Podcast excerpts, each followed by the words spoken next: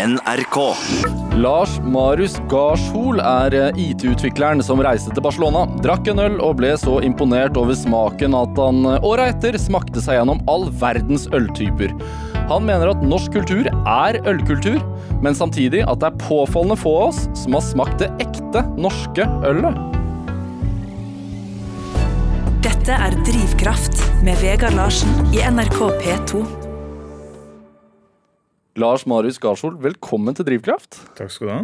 Det er et deilig tema vi skal snakke om i dag, nemlig øl. Veldig takknemlig tema å snakke om, det er det. Du, du er jo egentlig IT, IT-utvikler. IT Du har skrevet tre bøker. Én bok om XML-programmering. Eh, Dette var i 2002. Og siden den gang så har du gitt, utgitt eh, to bøker om øl. eh, En om litauisk øl, og en om det norske gårdsølet.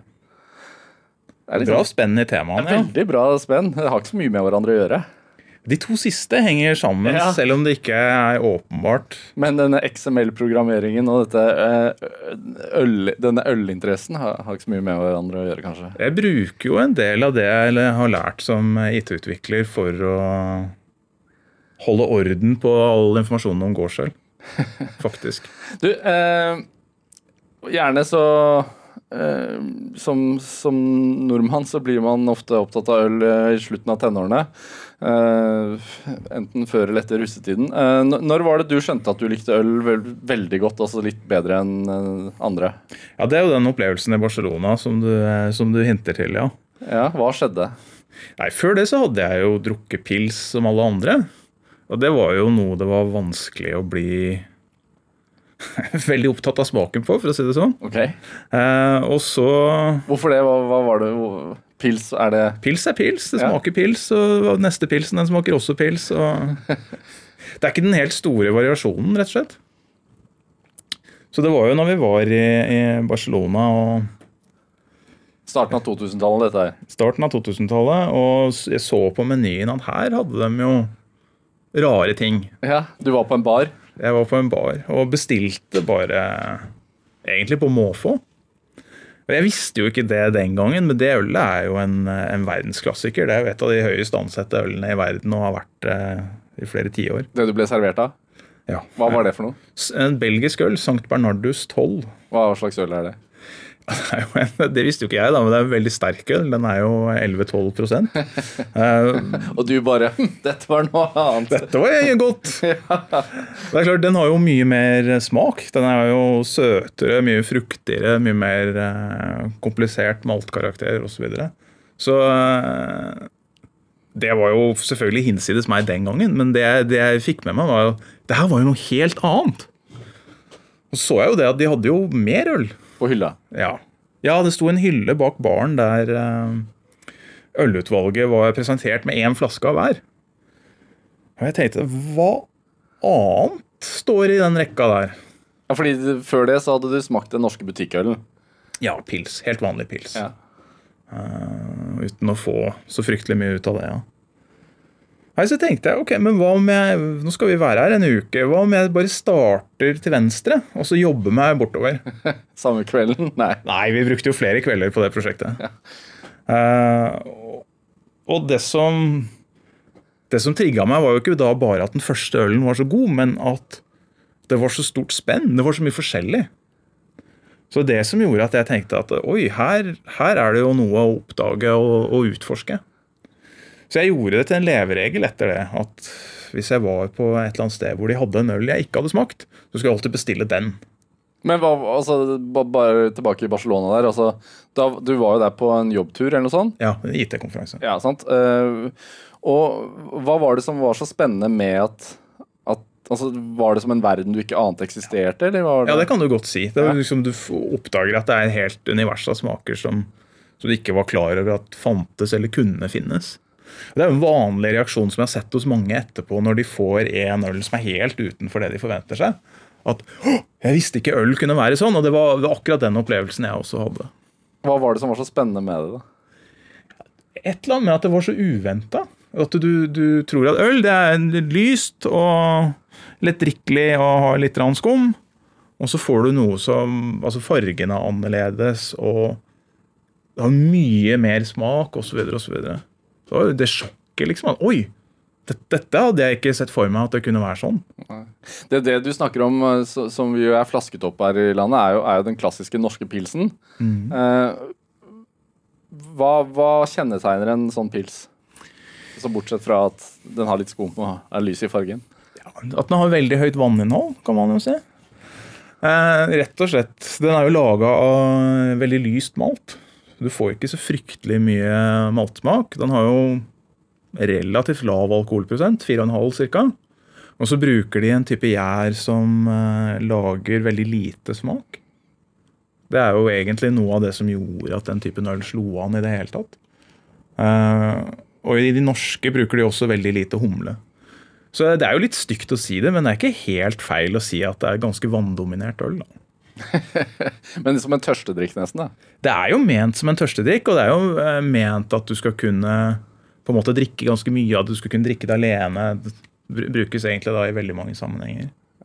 Men, men altså, er det noe Denne pilsen du, du nevner malt og vann og gjær og Humle. humle. Det er, det, det er de klassiske ingrediensene. Det er de klassiske ingrediensene i øl, og tyskerne har jo vært kjent for denne renhetsloven sin, som sier at det er de fire tingene du får lov å bruke. Punktum. Hvorfor det?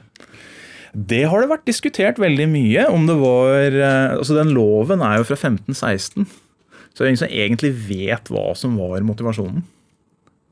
Faktisk. Men hva tror du, da? Nei, Det er vanskelig å si, faktisk. Ja. Jeg, eh, det har jo vært sagt at det, jo, dette skal være for å beskytte eh, øldrikkerne, at de skal få kvalitetsvare og sånn. Men altså, ølet blir jo ikke automatisk vondt om du har i ett krydder til. Det er på en måte, Så jeg, jeg vet faktisk ikke. Men, men eh, pils, er, det er tsjekkisk? Eh, ja, det er faktisk riktig at det er tsjekkisk. Eh, du har jo på en måte den litt større grupperingen av den typen øl, lagerøl, er jo en tysk ting. Men det spredde seg inn i det som nå er Tsjekkia. Og så var det jo Det er jo en av de øltypene som man vet hvor kommer fra. Det ble oppretta et, eh, et bryggeri i byen eh, Plitsjen, som den heter på tsjekkisk. Den heter jo Pilsen på tysk. Eh, og det første ølet de brygga, det var da et lyst lagerøl med relativt mye humle. Og det var det som var den første pilsen. Når var dette her cirka? 1842. Og, og hvorfor, eh, hvorfor har altså pilsen, tsjekkiske pilsen eller tyske pilsen, hvorfor har det fått så fotfeste i Norge? Det fikk jo fotfeste overalt. Det drev jo ut egentlig alle, alle andre former for ølproduksjon egentlig stort sett overalt. Så det, de brygga jo innen det var gått 50 år, så brygga de jo pils i Kina og Japan og USA og you name it. Hva var grunnen til det, da? Jeg tror vel at det var eh, Noe av det viktige her er at den, alle disse lagerøltypene ble gjæra veldig kaldt. Og Det gjør at eh, den, den store fienden når du brygger øl, det er melkesyrebakteriene som surner dette her. Og Det spesielle med den lagerjern er at den kan gjære ned på 3-4 grader, hvor egentlig ingenting annet klarer å konkurrere. Så selv om du ikke har all verdens hygiene, så klarer du å lage et, et pålitelig og godt produkt. Vet du når pilsen kom til Norge? Ja, det, dette er andre som kan bedre enn meg, da. Men det er vel 1860-tallet, hvis jeg husker riktig. Ja. Det første bryggeriene her i Oslo, faktisk. Så Skaus er det jo en del som mener er det første. Så det er egentlig av Grunnen til at det har fått så fotfeste, er egentlig at det er en enkel øltype å brygge, da. Det, er, ja, det tok jo en stund før dette slo an, og det var jo fordi at det krever jo en del eh, sofistikering å få til f.eks. å gjære så kaldt. Du må gjerne ha kjølemaskin og is og sånne ting for å, for å få det til. Eh, Men når du først fikk det til, så var det mye lettere å få et eh, pålitelig godt produkt på den måten. ja. Det var jo egentlig en del av industrialiseringen, den prosessen her. Ja. Så når man snakker om industrialisert, helt vanlig øl, så snakker man om pilsen. Ja, egentlig, ja. Hva syns du om pils? Det kan være kjempegodt.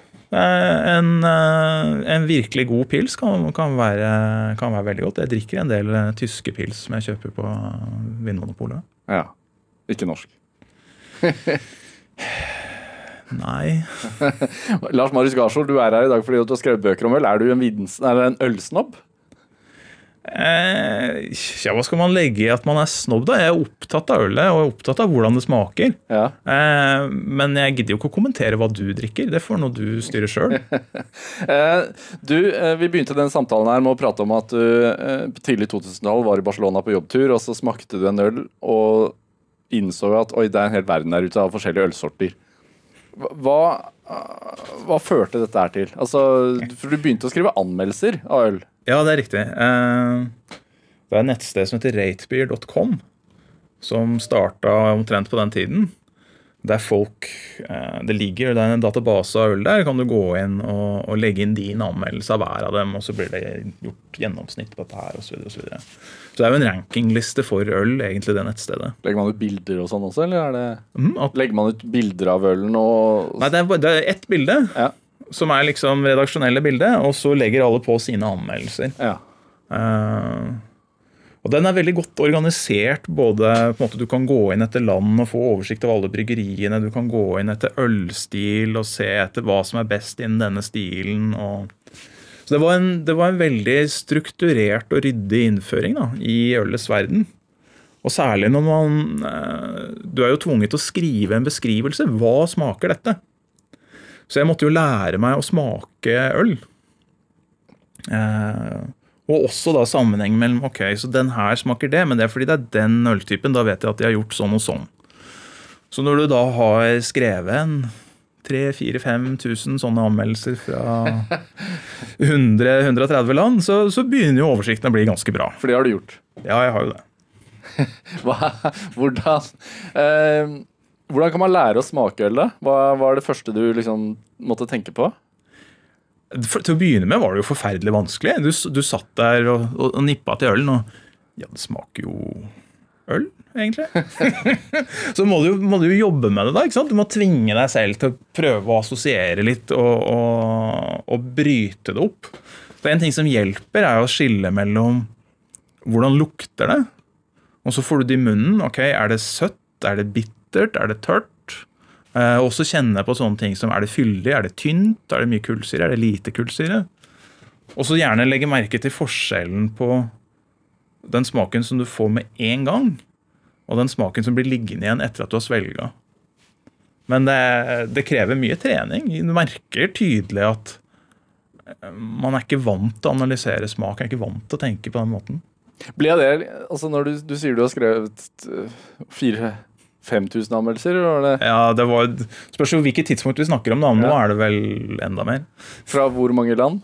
Ja, 120 ca. Ble, ble det, eh, ble det en, en del av grunnen til å reise til et nytt land? Ja, ja, absolutt. Og få lov til å smake den ølen der? Ja, ja, helt klart. Ja. Jeg har reist i både byer og land spesifikt for å smake ølet der, ja. ja. Jeg vet jo en samboer. Hva syns hun om det? Eh, den siden av det syns hun vel egentlig var ok. Det var, sant, du kan tenke deg at du er i en eller annen by, og nå begynner det å bli kvelden. Det er på tide å finne et sted å spise og kanskje ta seg noe å drikke. Hvis du da har en samboer som du vet har brukt to uker på å forberede den turen her, og vet at der har de det og der har de det, Nå snakker du om deg selv, da. nå snakker jeg om meg selv, Ja. så er det jo gjerne greit å si at ok, men du kan velge sted, du. Så det har jo blitt litt sånn. Ja. Så du velger sted på, på grunnlag av ølutvalget? Ikke bare. Det har jo veldig mye å si eh, hva slags stemning som er på selve stedet. Hva slags sted det er. Det er mye mer interessant å gå til et sted som er for de lokale, og der du får se en eller annen side av lokal kultur. Og det henger jo ofte sammen med hvilket øl de har også, selvfølgelig. Hvor har de de beste ølkneipene, da? Jeg er jo veldig glad i engelske puber, det må jeg si.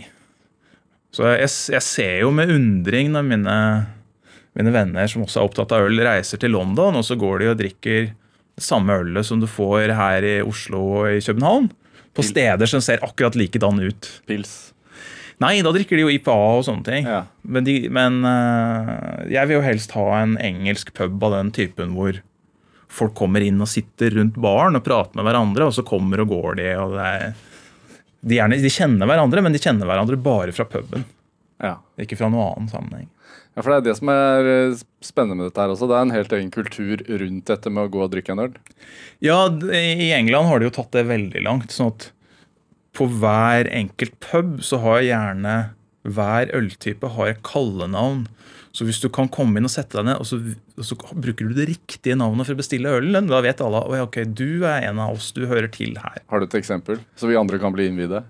Eh, ikke som jeg kommer på i farten, nei. Sorry. For det varierer ofte fra, fra by til by og pub til pub, altså, Ja. hva, hva de kaller dem. Ja, over alle disse ølsortene du har eh, eh, anmeldt, eh, har du en favoritt? Jeg har jo for så vidt mange favoritter.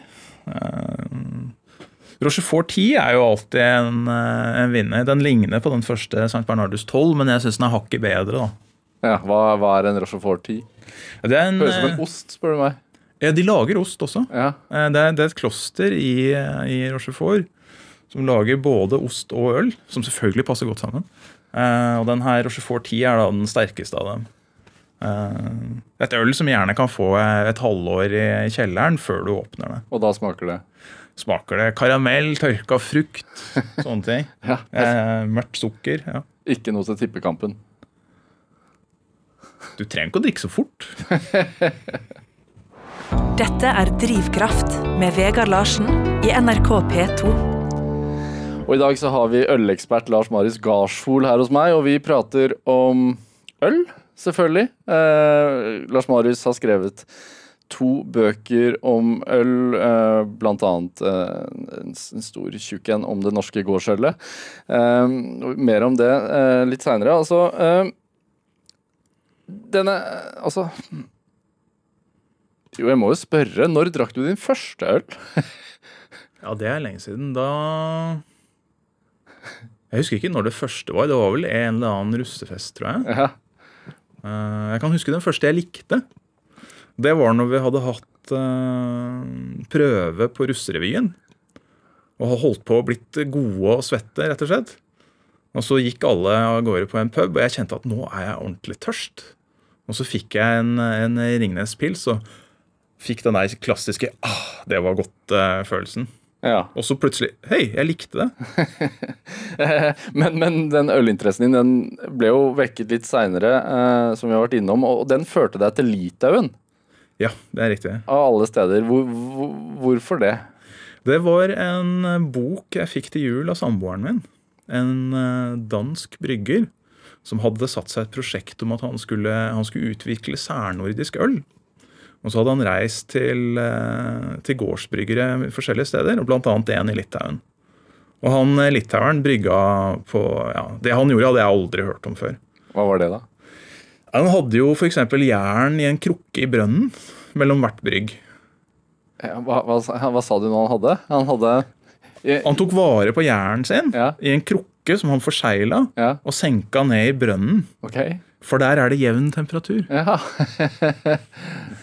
Så det, Han hadde sin egen gjær, rett og slett, som tydeligvis da kom fra denne landsbyen. Han hadde spesiell bryggeprosess, og han lagde maltet selv osv.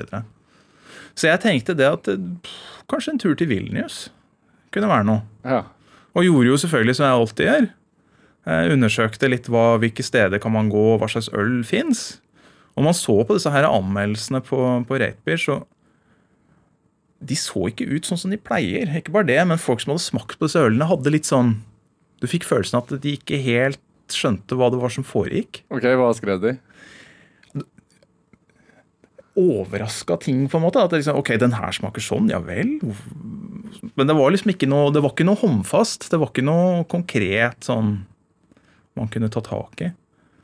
Så jeg dro dit selv. Altså, det skilte seg ut altså, Det var tydelig at det skilte seg ut fra annen type øl. da. Ja. Ja. Det- Så jeg dro dit selv. Spørsmål før det. Er det eh, Eksporteres det litauisk øl? Altså, Får man det i butikkene her, liksom? Nei? Carlsberg eier jo noen eh, bryggerier i Litauen, så det er jo noe Carlsberg-øl som selges i Norge. Som er brygga av industribryggeri i Litauen, men det smaker jo Carlsberg. Ja. Ja. Så nei. Det, jeg spurte en litauisk brygger om det her, om han så noe potensial for å eksportere litauisk øl. ja. It is for import of beer enthusiasts. Ok, Spesielt interessert, altså. Men, men altså, du, du dro dit. Hva, hva, hva var det du var nysgjerrig på? Hva var det du ville finne ut? Jeg ville jo på det tidspunktet finne ut det samme som alle andre steder. Hva, har de noe nytt og interessant her? Hva, hva smaker det? Hva slags, slags typer øl har de, osv. Så, videre. så jeg hadde funnet en bar da, som virka lovende, for de skulle satse seg på litauisk øl. Så jeg gikk inn der og spurte bartenderen om hun eh, kunne anbefale noe. Og kom med en flaske der det sto eh, Salaus Alus. I dag vet jeg at det betyr soløl, men den gangen sa det meg ingenting. Uh, og det var ikke noe indikasjon om sant? Vanligvis så står det jo noe om hva slags type øl det er. Det var det ikke her. Absolutt ingenting. Så jeg smakte på den og fikk jo rett og slett bakoversveis. Ok. Så eh, Hvorfor det? Det må du beskrive. det, var, det første var at det var en voldsom smak, men den var så uventa. Jeg hadde ikke vært borti det før. Jeg sammenligna det med hvis du lar en høyballe steike i sola hele dagen. Så får du noen til å slippe deg fra en kran med trynet først ned i den. Omtrent sånn var det. Okay. Så jeg, så jeg, og jeg kunne ikke forstå hva, hvordan gjorde de det. Nei. Så jeg spratt opp og løp tilbake til baren og spurte henne hva, hvordan har de gjort det her. Er det, er det humla? Hvor kommer denne smaken fra? Ja. Og hun ser på meg litt sånn stivt. What is hops? Okay. Så hun visste ikke hva humle var engang. Hun som jobbet i baren. Ja. Nei. Og da skjønte jeg at oh, det her blir ikke lett. Så gikk jeg jo videre til andre steder og fikk stadig vekk den derre jøss, nei, men i alle dager, hva er det her? Og aldri noe svar å få. Ikke noen som kunne si noe som helst om hvordan øla ble brygga, eller hva Om det var typisk, eller om det ikke var typisk, eller Følte du deg da som en sånn oppdagelsesreisende? Ja, jeg ble trigga av sånt. Ja. Jeg syns det er gøy. Og jeg kunne jo på det tidspunktet øllitteraturen godt nok til å vite at det var ikke noen bok på engelsk eller norsk som jeg kunne kjøpe der det som ville fortelle meg noe mer om det her. Nei. Så da måtte jeg jo finne ut selv, og det var jo selvfølgelig kjempegøy. Hvor, hvor vanskelig var det, da? Du sier Ja, det tok jo flere, flere turer før jeg egentlig kom noen vei. Eh, Jeg fikk kom i kontakt med en som guida folk rundt. Altså kjørte turer så de kunne besøke bryggeriene. Og, og sneik meg med på en sånn tur. Og da viste det seg jo det, da. Vi var hos en brygger som også hadde sin egen gjær. Som han hadde arva fra bestefar. Men bryggerier, er det Dette var et kommersielt bryggeri. Ja. Han har konvertert låven på gården til eh, å være bryggeri. Det, du måtte jo egentlig kunne litt om Litauen for å se det, da, men det fikk vi forklart. Så viste det seg at han lærte da å brygge av far, som lærte å brygge av bestefar. Og han førte egentlig bare videre det de hadde gjort. Og en- av de spesielle tingene han gjorde, var at han, han stekte ølet i ovnen. Stekteølet? Ja. Ja. Det er vanlig, eller ja, det er en type øl som lages i Litauen. heter Keptinis alus. Stekt øl. Og det var det som ga den smaken som føltes som å bli sluppet fra en heisekran ned på en Nei, de hadde gjort noe annet. Det var, men Hans øl var også en, en bombe, men da en helt an, annerledes bombe. En voldsom karamellsmak i det ølet hans. Men, men hva vil du si at denne altså øltradisjonen som du fant der, som hadde gått i arv, da, Ja. eh, som folk flest ikke visste så veldig mye om, hva vil du, hva vil du si at den sier om eh, ølbryggetradisjon i Litauen? Altså Skiller den seg vesentlig fra i Tyskland, f.eks.? Altså, Eh, ja, eh, det her med å steike i ovnen er jo ukjent eh, egentlig de fleste steder. ja. Det har eksistert eh, øst i Baltikum. Altså østlige delen av Estland og østlige delen av Litauen. Og i Russland. Eh, og det er fordi at de har en egen eh, type ovn. Som egentlig faktisk eh, Østeuropeiske bondehus er bygd rundt den ovnen.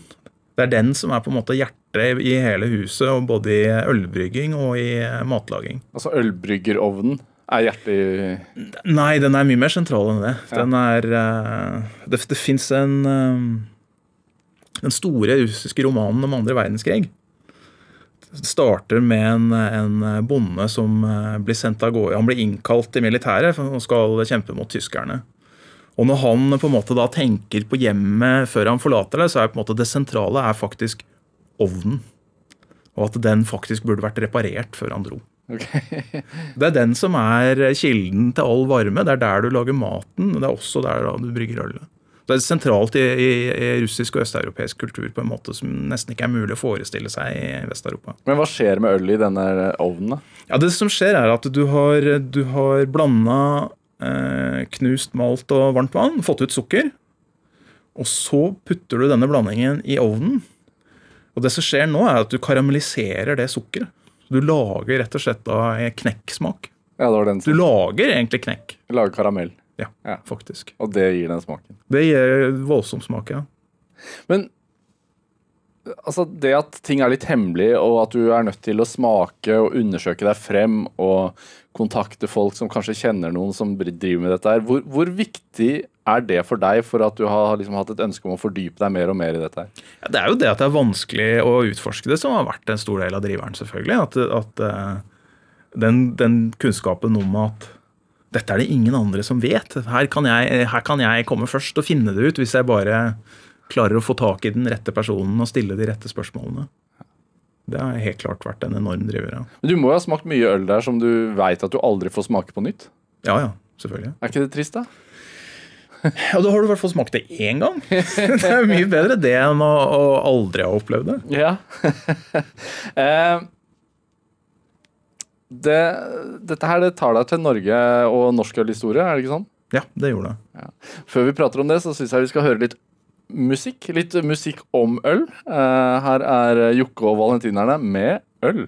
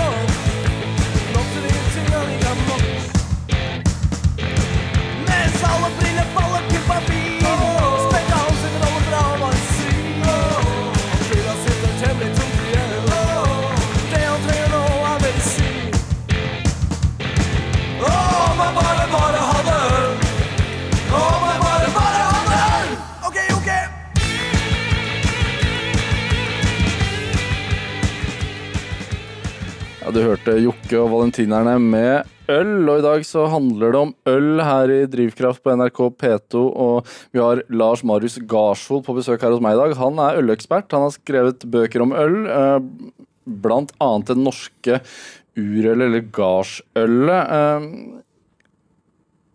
Og altså, Lars Marius, hva, hva tenker du om folk som bare ønsker å drikke helt vanlig, ordinær, industrialisert pils? For, eh, for ti år siden så syns jeg det var vanskelig å forstå.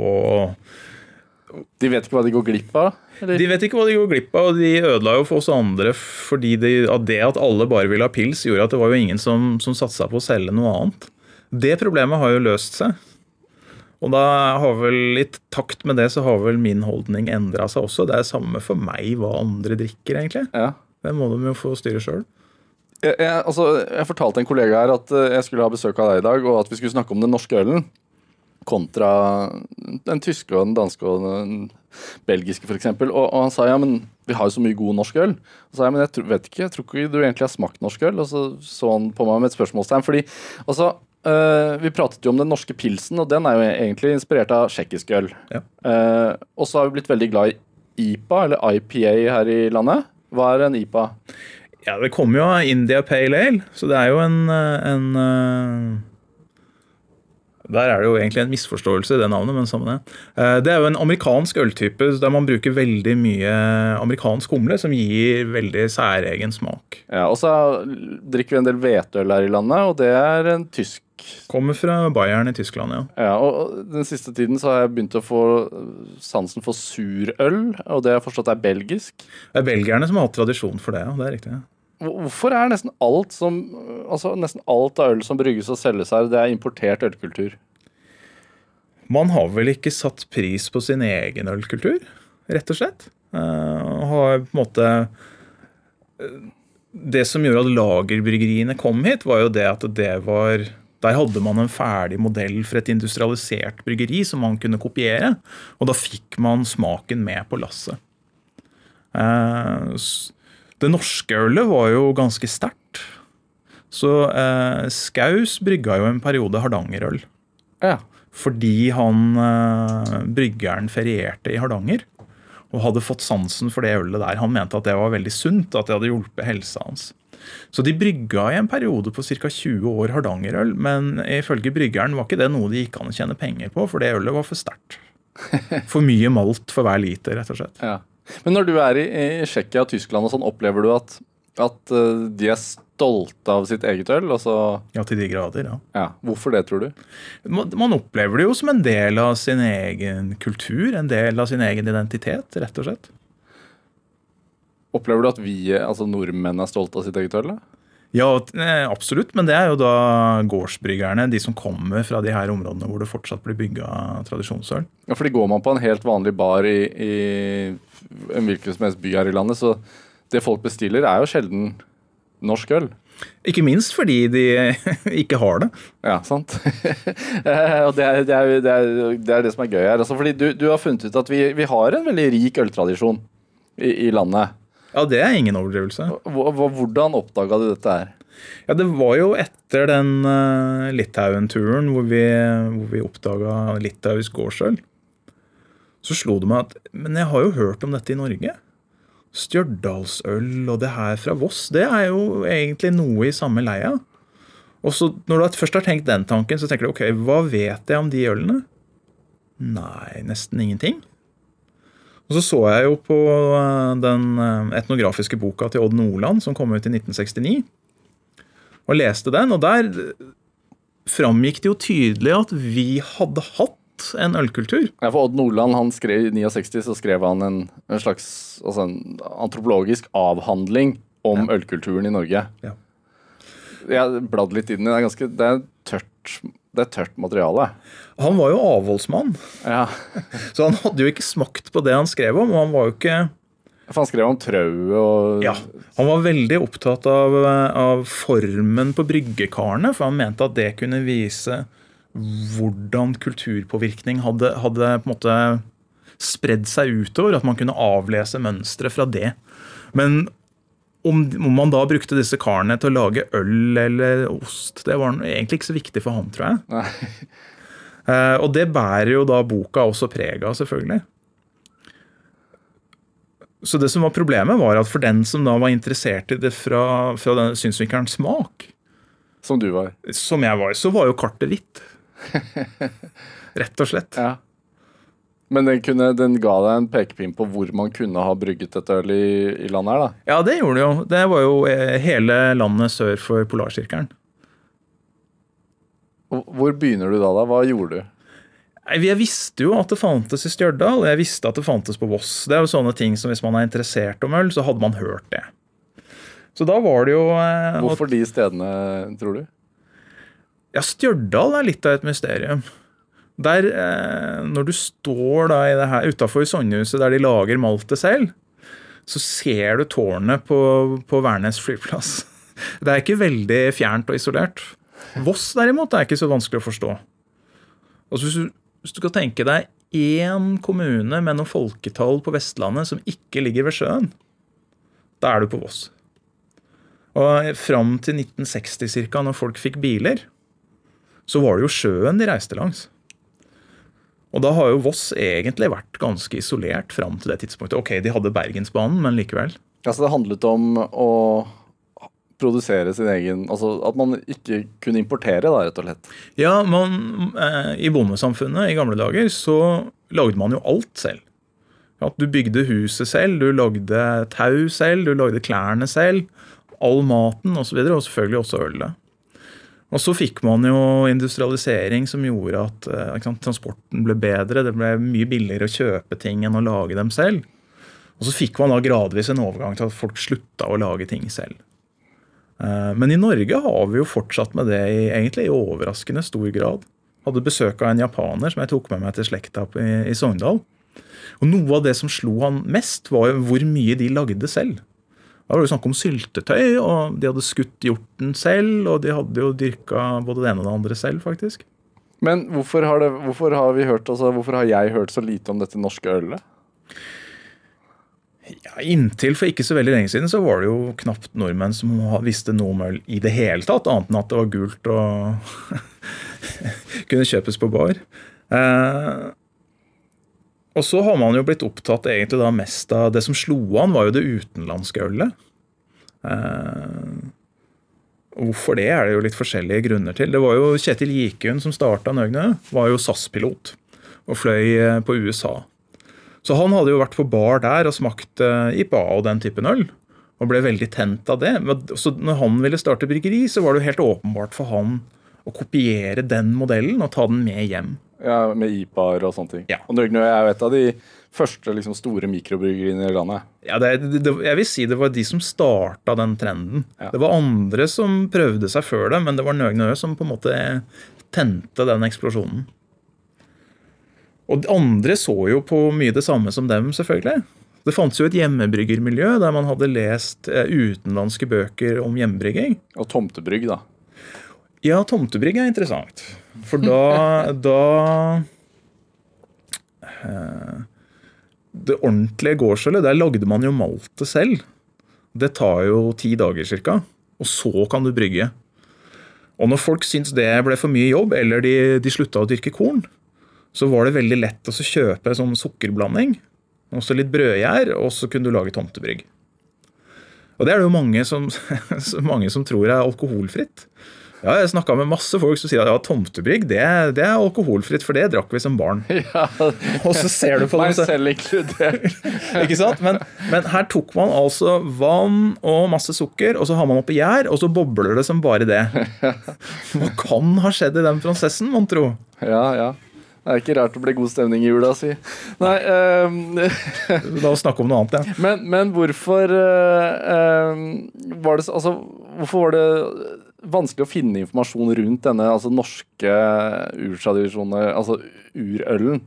Eh, hva, hva har vi mistet langs veien? Ja, vi har jo mist... Altså, Ditt kart var hvitt, sa du. Ja, vi har jo ikke mista alt, i og med at folk har vært så sta og har fortsatt å brygge.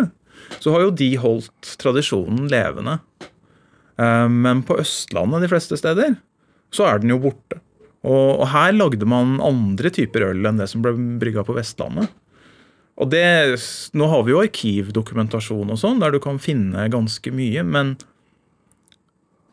i og med at tradisjonen er brutt, så kan du ikke egentlig vekke den til live igjen. Er den død, så er den død. Det er ingen som vet hvordan dette skal smake, og hvordan du egentlig skal gjøre det. Bortsett fra de få stedene hvor det har gått i arv. da. Ja, Men på Østlandet så er det for det meste borte. Ja. Hvor langt tilbake i tid er det vi snakker? Nei, det var jo steder eh, altså Der jeg vokste opp i Indre Østfold, så brygga de nå fram til første verdenskrig. Og da hadde det gått i arv. Da hadde det gått i arv siden steinalderen, ja. Ble det brygga over hele landet? Ja, Grensa er eh, sånn omtrent polarsirkelen. Nord for det så var det for vanskelig å dyrke korn. Så det gjorde man ganske lite. Bardufoss gjorde det, men i de fleste andre steder gjorde de ikke det. Og da, når ikke du har korn, så kan du ikke lage øl. Er det, går det an å si noe om altså, Er det noe kjennetegn ved, ved det norske gårdsølet? Ja, det er det. Eh, det, det spriker veldig, så at egentlig å spørre hvordan norsk øl smaker, blir litt som å spørre hvordan smaker øl. Men eh, det er noen fellestrekk likevel. Én ting er jo bruken av einekvister som, som krydder.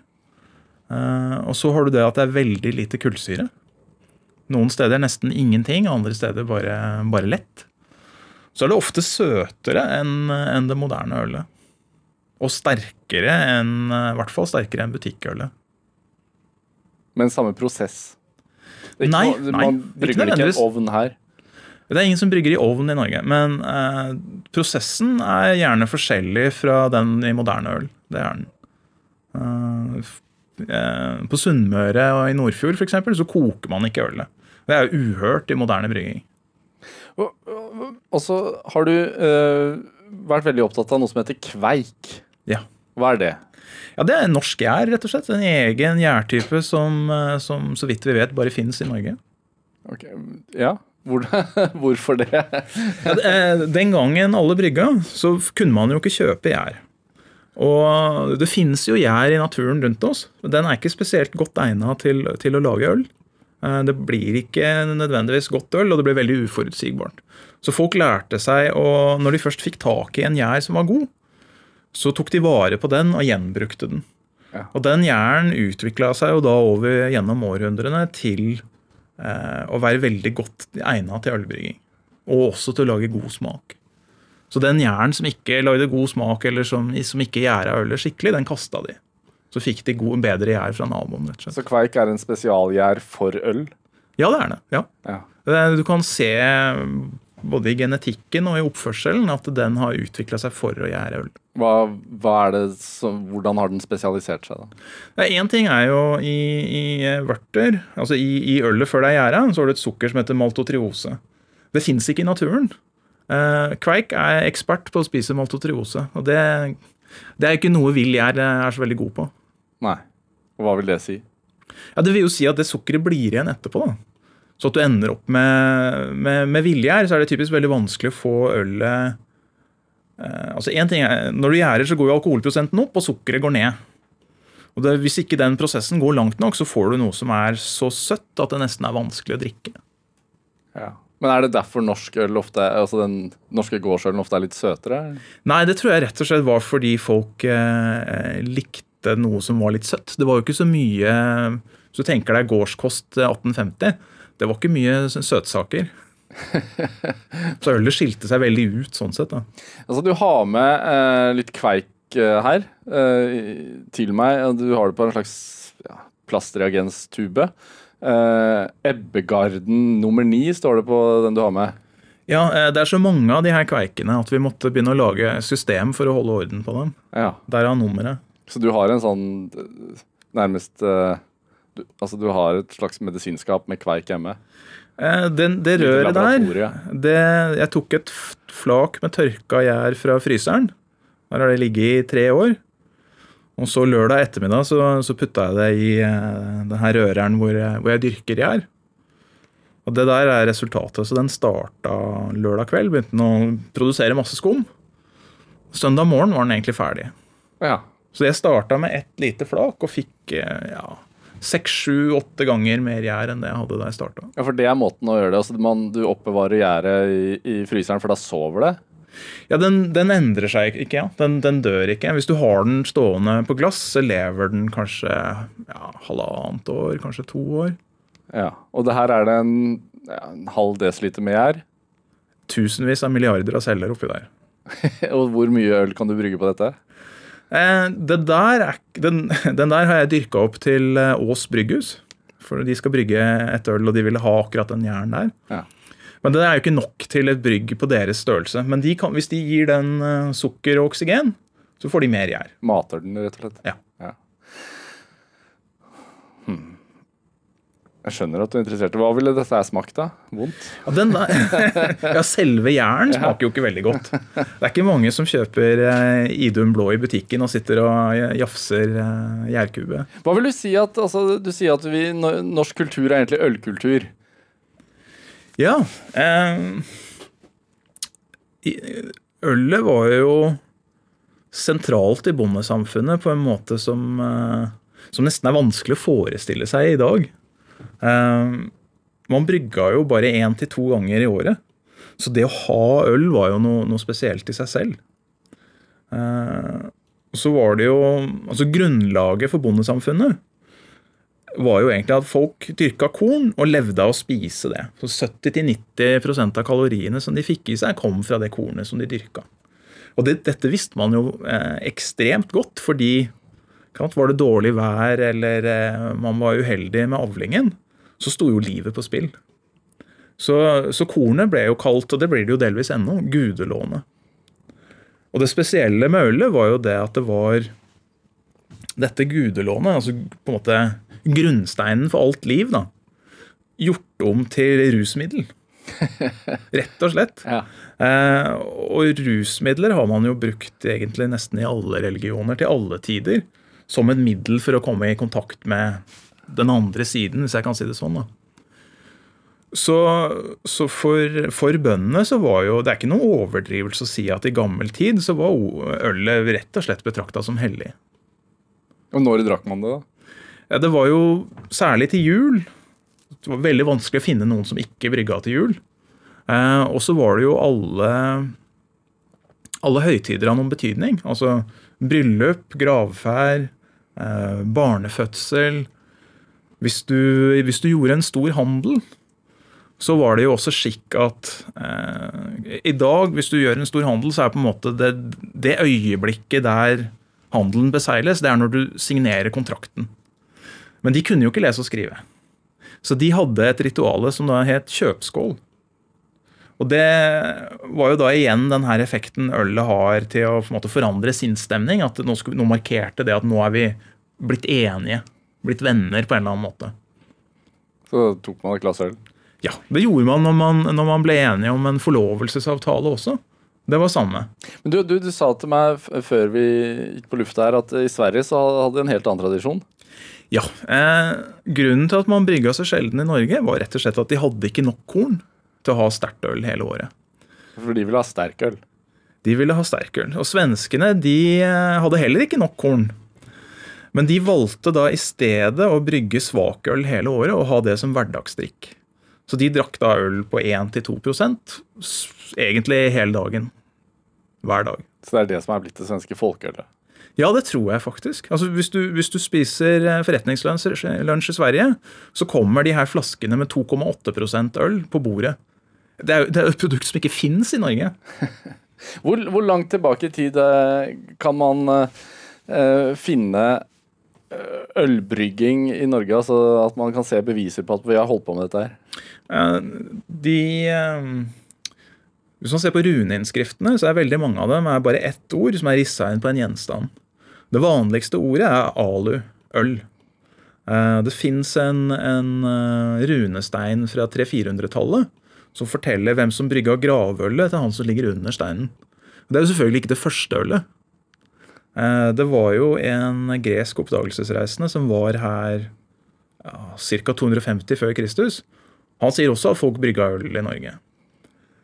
Fra Danmark så har vi jo eh, gravfunn der det er bevart inntørka rester av øl fra 1500 før Kristus. Det er heller ikke det første ølet. Så korndyrkinga kom til Norge ca. 4000 før Kristus. Før det kan ikke folk ha brygga øl. Og Det er veldig mulig at de starta da. Dette er Drivkraft med Vegard Larsen i NRK P2. Og I dag har vi ølekspert Lars Marius Garshol her hos meg. Vi snakker om det norske ølet, gårdsølet, som veldig få av oss har smakt. Jeg vet at du har med litt øl Ja. Uh, med kveik. Ja. Og jeg har aldri smakt dette her før. Uh, da tenker jeg at hvis du lar meg, så vil jeg gjerne smake på det. Jeg må spytte det ut, da, for jeg er på jobben, men uh, det har vært spennende å smakt. Du har, har med noe øl på en plastvannflaske. plast vannflaske. Det ser jo ikke veldig innbydende ut, må jeg ærlig innrømme. De gårdsbryggerne er gjerne ikke så opptatt av ytre form og mote og sånne ting. Der, er, der skal det være praktisk og greit. Uh, og plast Altså, uh, det gårdsølet Jeg sa jo at det er gjerne ganske søtt.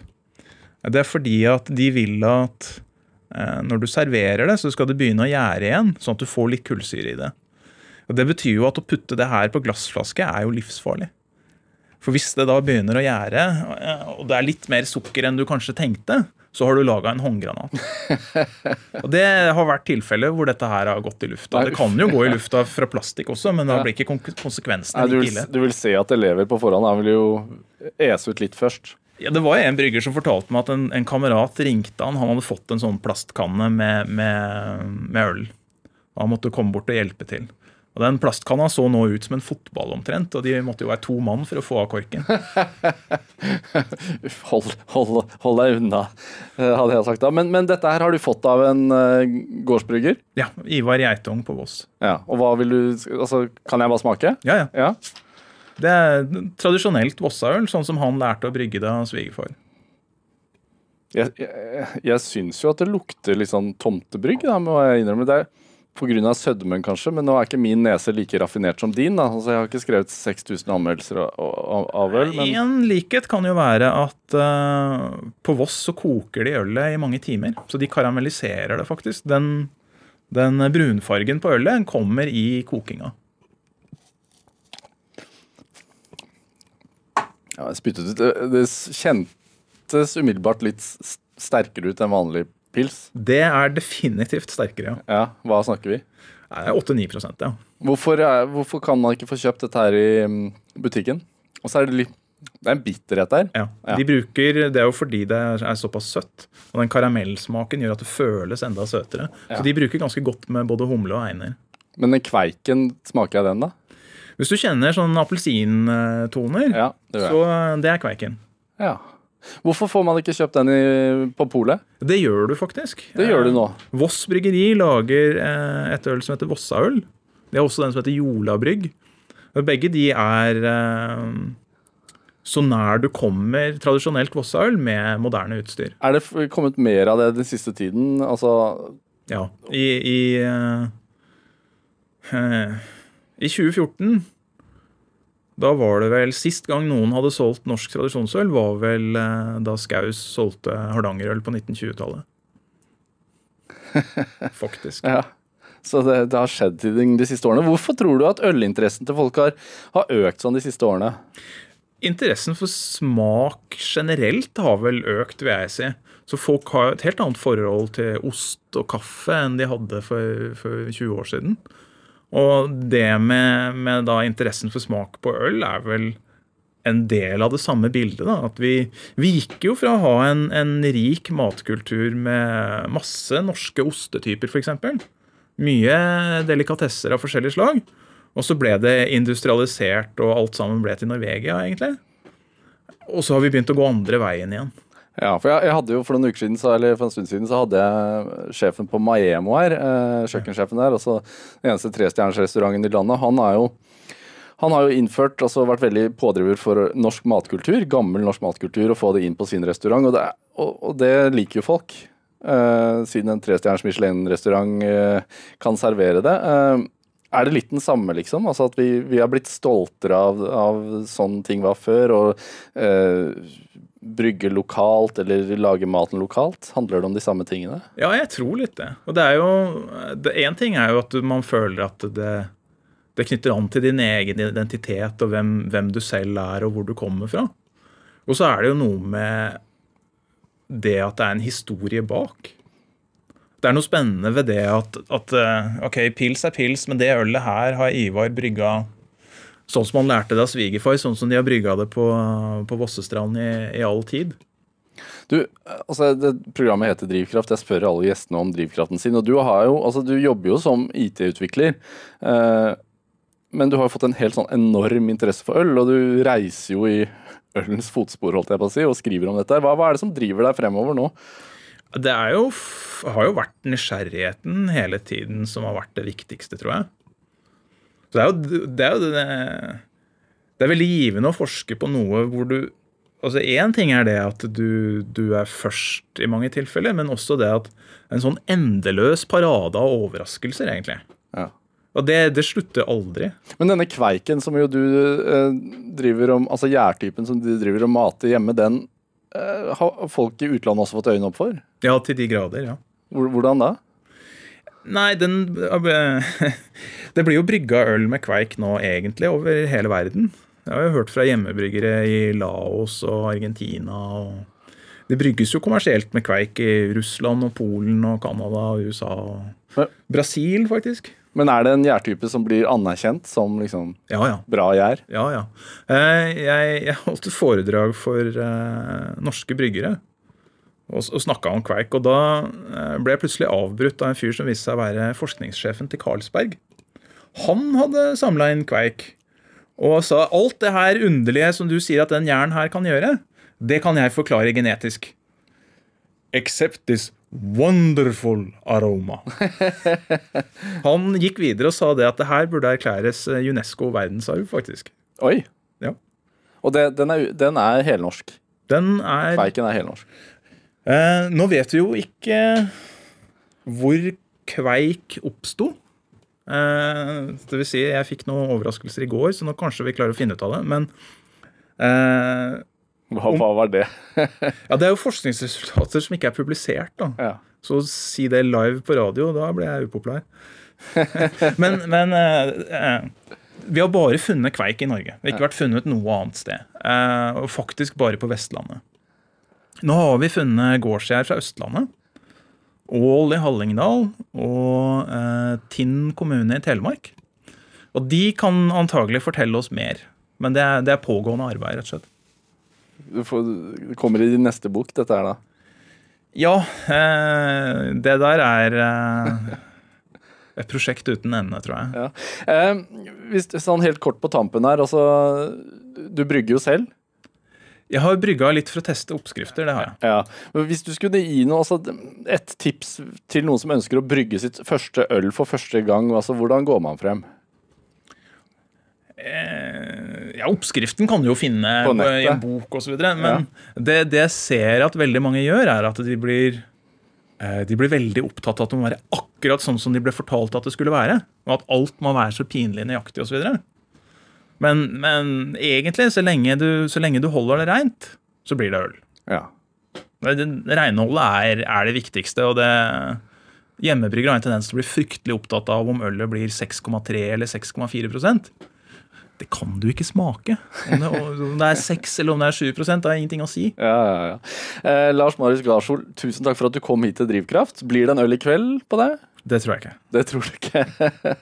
um, du kan høre flere samtaler i Drivkraft uh, i NRK Radio, på nett og på app. Send gjerne gjesteforslag eller tilbakemelding på programmet i en e-post til drivkraft at nrk.no eller drivkraftalfakrøll.nrk.no. I morgen møter du kunstner og forfatter, forfatter Mathias Fallbakken her hos meg. Han er uh, aktuell med en ny roman akkurat nå. Uh, jeg er Vegard Larsen, og dette var Drivkraft.